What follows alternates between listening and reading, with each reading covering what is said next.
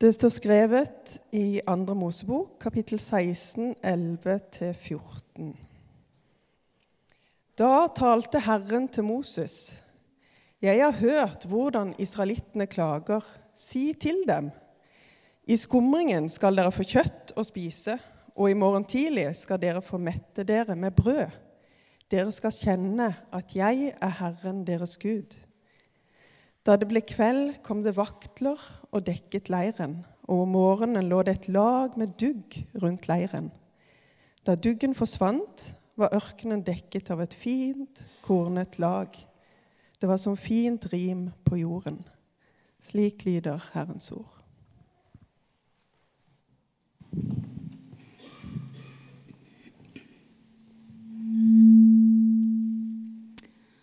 Fortellingen vi nettopp hørte lest, er jo fra Exodus, det mer internasjonale navnet på andre Mosebok, som handler om eh, befrielsen fra slaveriet i Egypt.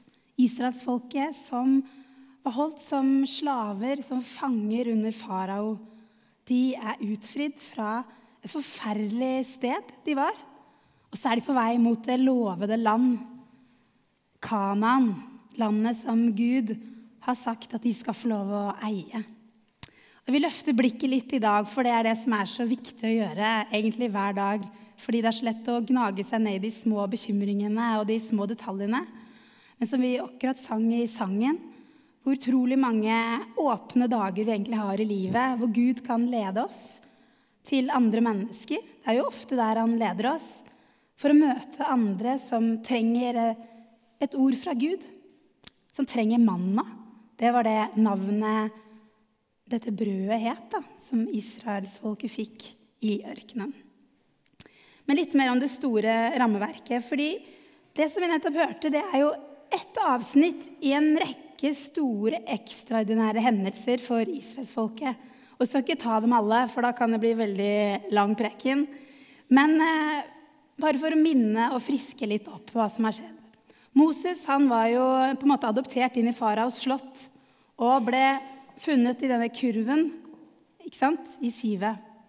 Dratt opp fra sivet. Og fikk en oppvekst som de færreste kunne drømme om på den tida. Men så var han israelitt. Så kom han i konflikt en gang han så en egypter mishandle en israelitt. Så han drepte denne egypteren. Og han ble forvist ut i ørkenen, gikk fra slottet til å være sauegjeter.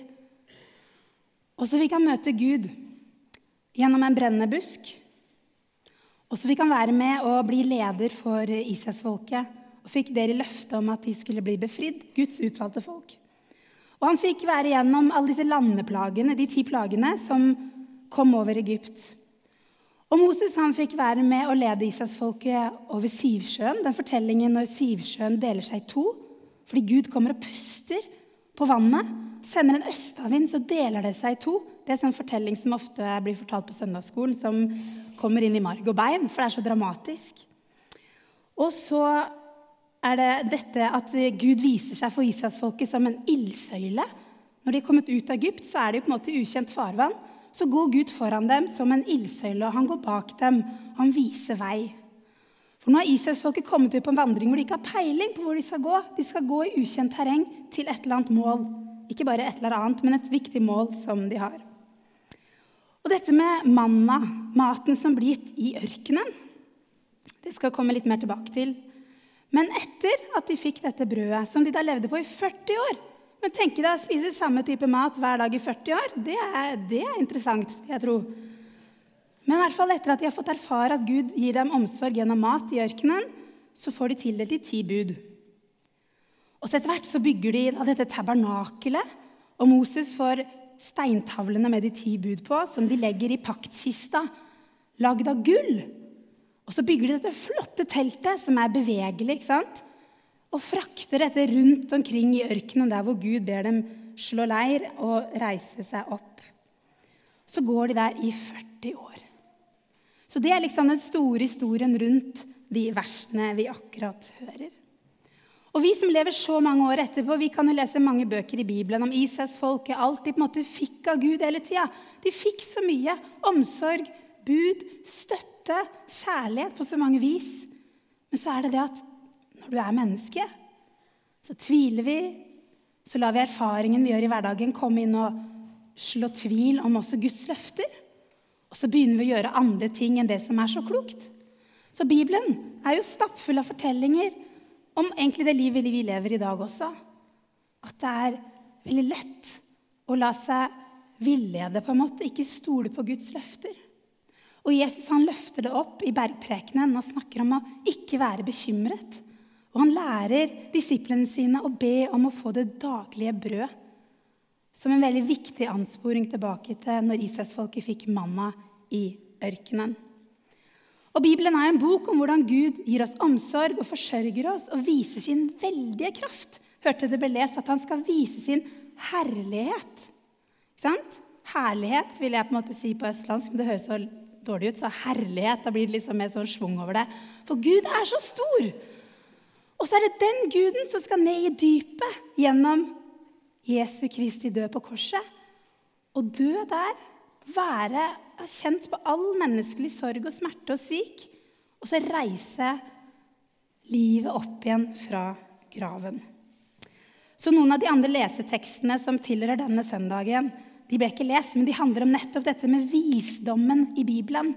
Hvordan Det gamle testamentet peker fram på en frelse som kom til oss gjennom mennesket Jesus Kristus, som var menneske, men også Gud.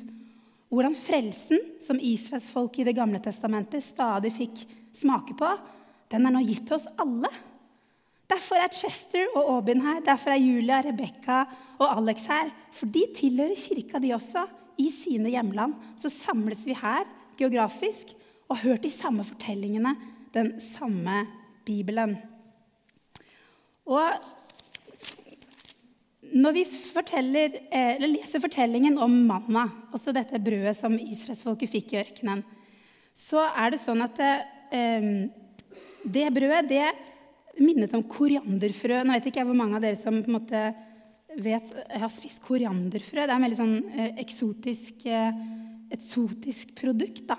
Men det var hvitt, og det smakte som tynne kaker bakt i honning. Og bare for å gi et eksempel over på en måte utakknemlige Israelsfolket var etter å blitt befridd, så er det sånn at de begynte å savne tilbake til kjøttgrytene under slaveriet. Og så Ikke mange uker etter at de var befridd fra trelldommen i Egypt, så begynte de å klage til Moses som klaga til Gud om hvor forferdelig de hadde det. Og Sånn er refrenget i Bibelen og i, i dette, dette, denne fortellingen. At Gud viser omsorg helt konkret ved å gi dem mat. Og så begynner de å klage om at de ikke har drikke. Og så er de helt fortvila fordi de er i et ukjent landskap.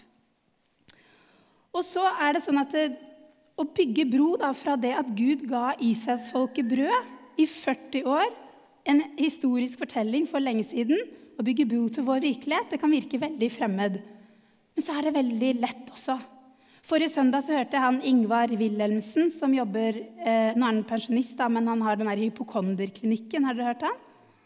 Han har en veldig sånn naturlig og litt sånn lettbeint måte å snakke om bekymringer på. Han snakker jo veldig masse med mennesker som er bekymra.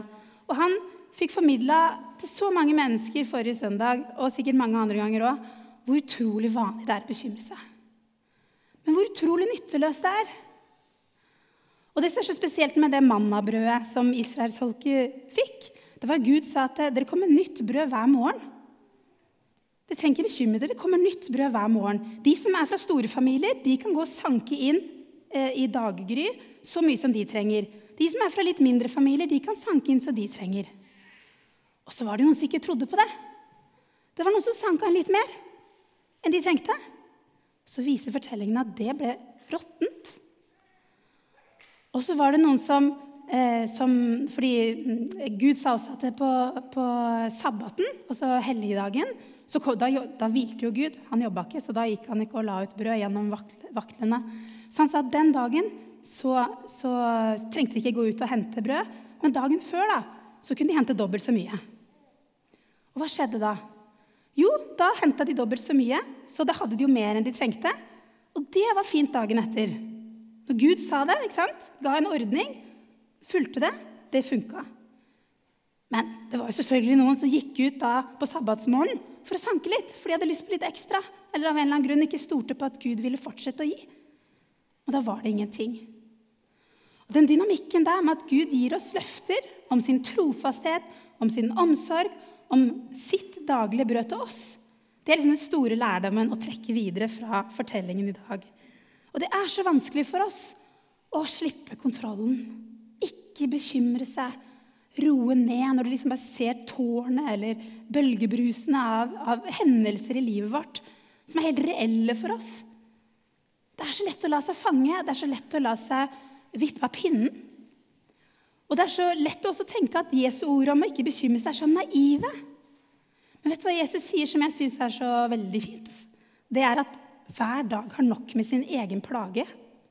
Ikke sant? Hver dag har nok med sin egen plage. Derfor trenger vi ikke å tenke på morgendagens plager. Vi har nok med det som skjer nå. For noe av det som skjer i Guds rike, de hellige øyeblikkene, de mellommenneskelige møtene mellom oss, det skjer her og nå. Vi kan godt tenke oss at det skjer om en uke. Vi kan ha en forestilling at det skjer om en måned. At en eller annen søndag når vi har planlagt veldig godt på en eller annen gudstjeneste, da skal Gud komme og møte oss. Men egentlig så sier Jesus til oss hver dag vil jeg gi dere det daglige brød, det dere trenger. Hver dag. Ikke bekymre dere. Hver dag har nok med sin egen plage. Og når Ingvar Wilhelmsen da snakker med bekymra mennesker i bergensområdet, for det er jo der han holder til, så sier han det til dem. Altså, det nytter ikke å bekymre seg i 30 år om du skal få kreft. Det er en forferdelig sykdom. Det er, det er ikke noe noen ønsker seg. Men det kan hende du får en helt annen sykdom. Det kan hende du får cøliaki. Så hvorfor skal du da gå og bekymre deg for at du får kreft? Så han møter det med en, sånn, en alternativ tankegang om at det, det hjelper ingenting å bekymre seg. Hvis du blir ramma av sykdom, er det sånn at du blir mindre lei deg fordi du har bekymra deg på forhånd? Nei, sa han. Han har vært lege i hele sin yrkeskarriere og sa at nei, man blir like lei seg, man blir like tatt på senga, man blir, blir ramma av krisen likevel. Så ikke bruk så mye mental ressurs på å bekymre seg. Og Han nå viste veldig tydelig til Jesu ord vær ikke bekymret. At vi kan be bønnen sammen som vi ba nå tidlig i gudstjenesten. Gi oss i dag vårt daglige brød. Og så er kanskje vår utfordring i verdens rikeste land De fleste av oss har nok til mat på bordet. Nok til å lage et lager i lønnkammerset også, hvis vi begynner å bekymre oss for eh, at strømmen skal gå eller vannet skal forsvinne. Hva, hva slags daglig brød er det Gud kanskje aller mest skal gi oss her, vi som har så mye? Den boka jeg holder foran meg nå, den har jeg akkurat lært meg heter Bullet Journal. Jeg vet ikke om dere vet det, men jeg jobber med ungdom, og nå skal resten av preken egentlig handle om det. Men det er da en sånn bok med masse prikker i, der hvor man kan kreativt tegne, ikke være fanga av å ha ruter eller linjer. Det var det jeg forholdt meg til når jeg gikk på skolen. Så verden utvikler seg. Men kirka har også lagd en sånn bullet journal, en notatbok. Den anbefaler jeg veldig. Og foran her så står det ti gode grunner til å gå på gudstjeneste. Så jeg skal lese to av grunnene og spore det over til manna. Dåpen. Veldig ofte døpes barn. Ganske ofte døpes konfirmanter, og av og til døpes voksne. Dåp er en fest. Vi ser en barnedåp. Når vi ser en barnedåp, blir vi minnet om at ingen bærer seg selv. Første gang de fleste er i kirken, blir de båret. Kristus bærer, fellesskapet bærer. Og dåpen vår bærer, nærer og lærer oss hver dag resten av livet. Om du kaver, er dåpen din identitet. Det syns jeg er så bra sagt. Det som skjer her ved døpefonten, det er ikke bare et ritual, det er et hellig øyeblikk. Og når man er døpt, så bærer man med seg ånden og gavene. Og så kan vi velge å pakke de gavene ut i løpet av livet og hente næring og tæring etter næring, eller er det næring etter tæring? Jeg husker ikke helt. Men at det kommer øyeblikk i livet hvor Gud vil komme og gi oss ekstra ting.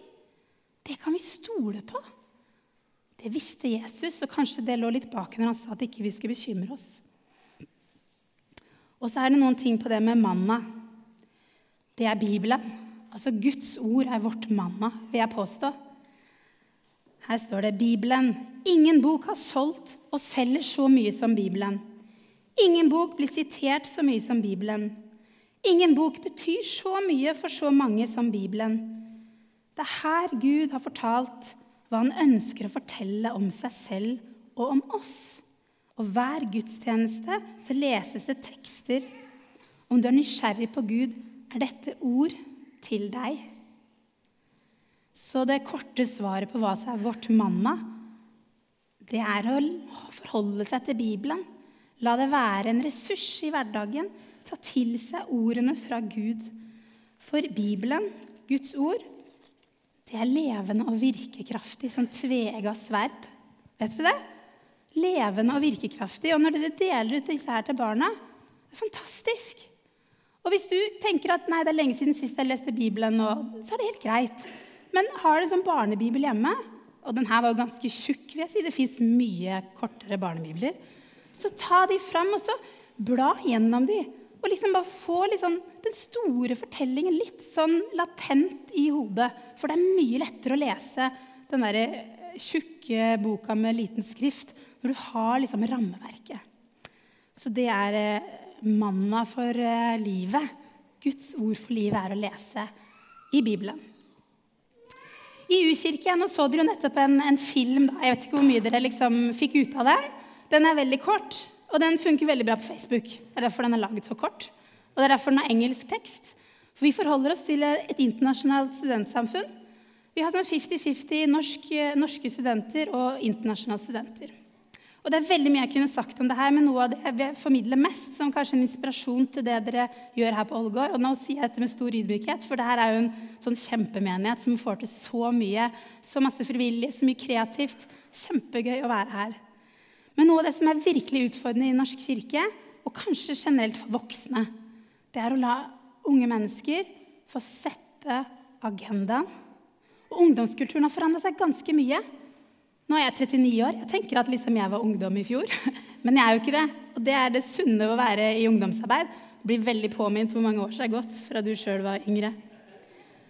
Det er sånn at Når jeg planlegger mitt semester altså Jeg jobba på biskopens kontor da, før jeg begynte som ungdomsprest. Og det var jo visitaser mange år fram i tid. Og det skulle vigsles kirkebygg, og det var liksom lange horisonter å planlegge etter. Mens nå jeg vet nesten ikke hva neste uke bringer. Når jeg starta opp jobben min, jeg ante ikke hva jeg skulle gjøre. For noe, eller Grunnbjelken da, i arbeidet vårt er å la, la ungdom og unge voksne sjøl sette agendaen.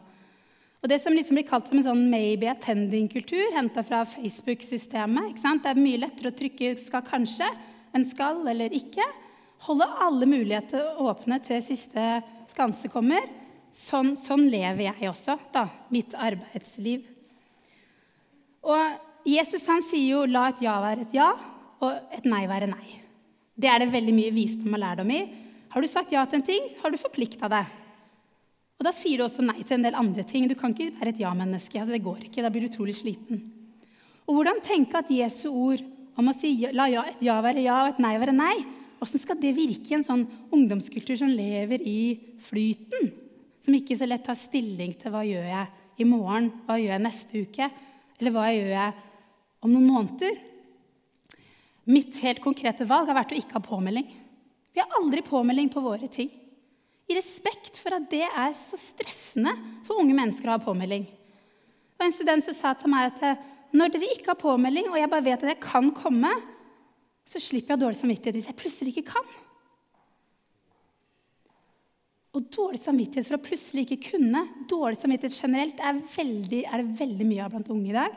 Psykisk helse, ensomhet, høyt stressnivå. Dere leser sikkert like mye aviser eller nett, nettmagasiner som det jeg gjør. Det er studentundersøkelser, det er ungdomsundersøkelser som viser ganske høye tall på stress, bekymring, ensomhet. Så istedenfor å liksom bare strenge med ungdommen si nå må dere lære dere å forplikte dere, og det her, nå skal dere inn i voksenlivet snart og begynne å jobbe på en jobb hvor dere skal tjene penger Det er, det er kjempelett å tenke sånne tanker. Jeg tenker de sjøl. Så må vi liksom bare Nei, men da har vi ikke påmelding, da. Og så bærer jeg litt av stresset. Vi lager mye mat. Vet aldri om det kommer 20 eller 30. Så jeg søkte bispedømmet om å få litt sånn ekstra diakonimidler for å ta av hvis vi lager mat til altfor mange, f.eks. Men så har det blitt sånn at selv om vi ikke har påmelding, eller at vi ikke har påmelding, har gjort at over et år så er det ganske sånn trofasthet likevel. da. De kommer. Det er blitt på danna et, et, lederskap, et lederteam, på en litt sånn helt avslappa måte, uten at noen er blitt spurt forplikter du deg eller ikke. Så det tror jeg er en fin utfordring her til Ålgård òg. At ikke stress med påmelding. Ha litt lave skuldre. Go with the flow, liksom. Si det til dere sjøl, dere som liker å være sånn petimeter eller uh, har lyst til å ha kontroll. Um, I en ungdomskultur som er veldig relasjonell og så Nå er vi jo alle i fellesskap på en eller annen måte. I familie, på jobb, uh, hobbyer vi holder på med, kirka. Alle forholder vi oss til hverandre. Men i dag så har det veldig mye å si for ungdom hvem andre er med. Da jeg var ung på 90-tallet, så dro jeg på skolelagsmøter fordi det hang en plakat på veggen på ungdomsskolen. Og det henger en plakat om at kirka og skolelaget har noe. Da går jeg dit. Sånn var det. Så tenkte jeg ikke mer på det. Sånn er det ikke i dag. Man venter til det siste. Eh, og hvordan kan vi som kirke da, vise Guds trofasthet? For fra mannafortellingen i ørkenen til israelsfolket så viser jo Gud sin trofasthet. Og det er noe som jeg har fått veldig på hjertet, at vi må vise unge mennesker trofasthet. For det er så mye utrofasthet i samfunnet vårt. Det er så mye svik. Hvis dere har sett Skam-serien, eller det kommer jo hele tida nye ungdomsserier nå. Det er så mye svik, det er så mye løgn, det er så mye mistillit ute og går. Og vi er bærere av et budskap som er det motsatte. Det er Gud som er med oss. Immanuel, Gud med oss. Han som ser. Det er den guden vi skal vitnes, bære vitnesbyrd for. da. Så hva kan vi gjøre? Jo, vi kan bare være der. Og det her henger litt sammen med påmelding. Eh, nå har jeg snakka litt om det vi gjør for studenter. Vi lager mat og er mye sammen bare. Eller det er ikke bare sånn. Ikke at vi bare er sammen, men det betyr at vi ikke har så mye andakt. Vi har ikke så mye sånn tradisjonelle kristne ting akkurat nå. Men for de yngste, altså etter konfirmasjonstid, så, et, eh, så, åpner vi bedehuset, og så står vi ute i Nygata da, i Stavanger sentrum og deler ut vafler. Vafler er kjempepopulært. Jeg har ikke sett én ungdom ennå som blir lei seg for å få vaffel. Og vi er nå oppe i syv liter røre. Vi måler liksom i røret da, for å se veksten. Så vi står ute to timer hver tirsdag og deler ut vafler. Jeg står i presteklær for å egentlig bare signalisere at dette er også kirka. Bare gi ting gratis. Og det de lurer på, er er vi ute etter noe mer. For det er jo vant til å stå på stand, eller at man får noe på stand fra et politisk parti eller Care eller Redd Kors. altså man skal bli støttespiller eller et eller annet. Så blir de så overraska at de skal bare få en gratis vaffel. Det er en sånn stor overraskelse, da, er min erfaring. Og det andre er at det er på en måte veldig åpenhet for at det er en press som står der. Opplever utrolig lite fordommer. Altså, Jeg var veldig flau for å være kristen sjøl når jeg gikk på ungdomsskolen. Og jeg har liksom forventa at nå skal de liksom gå en runde unna. liksom. Altså, Nygata er en veldig trang gate, så det er ikke sånn kjempelett å gå en omvei hvis du først skal gå forbi. Men de kommer liksom som eh, ja, helt åpne. Og det, mange av de sier at nei, jeg er, ikke borg altså, jeg er borgerlig konfirmert, jeg er ateist, jeg er agnostiker. Og så mange har en veldig sånn definert forståelse av hva de tror på. Så er det også ganske mange som bare stopper opp og lurer på hvorfor jeg har på meg den presteskjorta. og sånn. Og så står jeg sammen med diakon Kristin, og hun er sånn stayer da, sammen med meg. Hun brenner veldig for ungdom. Det er alltid bra å være to. Og så inviterer vi det inn i bedehuset. Eh, og så er det jo veldig få som er interessert i det. Altså, det er et ganske stor terskel å komme inn i et hus. Så jeg tror at vi som kirke må forberede oss mye mer på å gå ut og finne de stedene i lokalsamfunnet hvor andre er. Det er litt sånn dårlige nyheter kanskje her hvor det flotte bygget og brukt masse penger på det. Men hvis man går sånn 20-30 år fram i tid på Ålgård? Hva, hva, hva er dette bygget da? Men forhåpentligvis er det jo like fullt som nå i dag. Men det kan hende at det ikke er det. Og da må vi finne andre steder å, å møtes. Så det er også en sånn eh, å møte og vise trofasthet. Det er at vi alltid er åpent når vi sier at vi er åpent. Ikke påmelding. Og vi bare står der. Står der litt sånn støtt. Og det arrangementet på tirsdager, som er da fra 15 eh, til 20 år, som, eh, som, er den vanskeligste gruppa å lage et miljø for i byene i Norge. Det gjelder overalt. Og det gjelder ikke bare for kirka, det gjelder for frivillige organisasjoner, det gjelder for uteseksjonen, det gjelder for ungdoms- og fritidsklubber. Alle strever på en måte med å nå ut til den aldersgruppa og få et stabilt miljø. Og Da er på en måte vår respons å ha åpent å stå der og være der for dem og vise at Gud er her. Her kan du finne han i byen gjennom oss denne ukedagen. For vi vet I Stavanger så er det veldig få ungdom som kommer på gudstjeneste klokka 11. Det sa jeg ikke i stad, men det er liksom premisset da, for at man ikke kan ha ungdomsklubb på søndag morgen. Og veld, veldig få av de ungdomsklubbene som er på fredag-lørdag, funker i praksis. Det er noen gode miljøer, men det er veldig mange av menighetene i Stavanger som strever med å samle ungdom. Så Derfor er U-kirke blitt til. Da. Det er liksom Bakgrunnen er desperasjon. Fordi kirka mister livserfaring og kompetanse som unge mennesker har i dag. For vi møter det ikke. Ser dem ikke. Nå, Jeg vet at det er litt annerledes her. Dere hadde jo kirka full i går, og dere er kjempeheldige på Ålgård. Men i byen så er det litt andre tilstander. Nå skal jeg avslutte. Men jeg vil bare si at eh, Guds ord, manna, det er vår trøst og vår styrke. Det kom til Israelsfolket som eh, honningsmakende brød når de trengte det i ørkenen. Og det kommer til oss gjennom Guds ord, i fellesskap vi samles i. Og det bærer oss. Og Guds ord er levende og virkekraftig som et tvega sverd. Så vær frimodig med å dele Guds ord videre. Til barna, til ungdommene, til hverandre. Det er det som er den beste næringa vi kan ha. Tusen takk for gaven i dag. Takk for at vi fikk komme. Eh, setter utrolig pris på det fellesskapet vi kan ha, og den broa som vi har fått gjennom HAL-studentene. Så blir det veldig spennende å se hvordan vi kan lære av det som dere får til her i byen, og kanskje omvendt. Så amen.